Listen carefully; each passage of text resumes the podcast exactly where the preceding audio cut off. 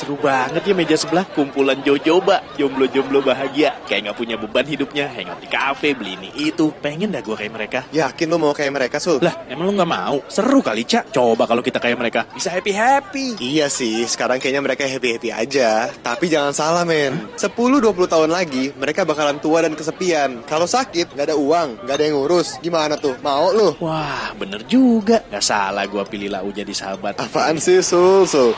Pihak-pihak yang tidak mau menikah, tidak mau punya anak tanpa alasan yang syar'i dengan dalih aku fine kok. Iya, hari ini ketika usia Anda 20-an tahun, 30-an tahun dan dengan pola hidup sekarang ada banyak orang 40 tahun udah bermasalah, sakit, apalagi usia 50-an tahun, 60-an tahun. Lalu selama ini tidak membangun sebuah keluarga. Lalu dia hidup sendirian, kesepian, akan ada masalah besar. Di sinilah pentingnya punya keluarga besar dan punya keluarga yang solid.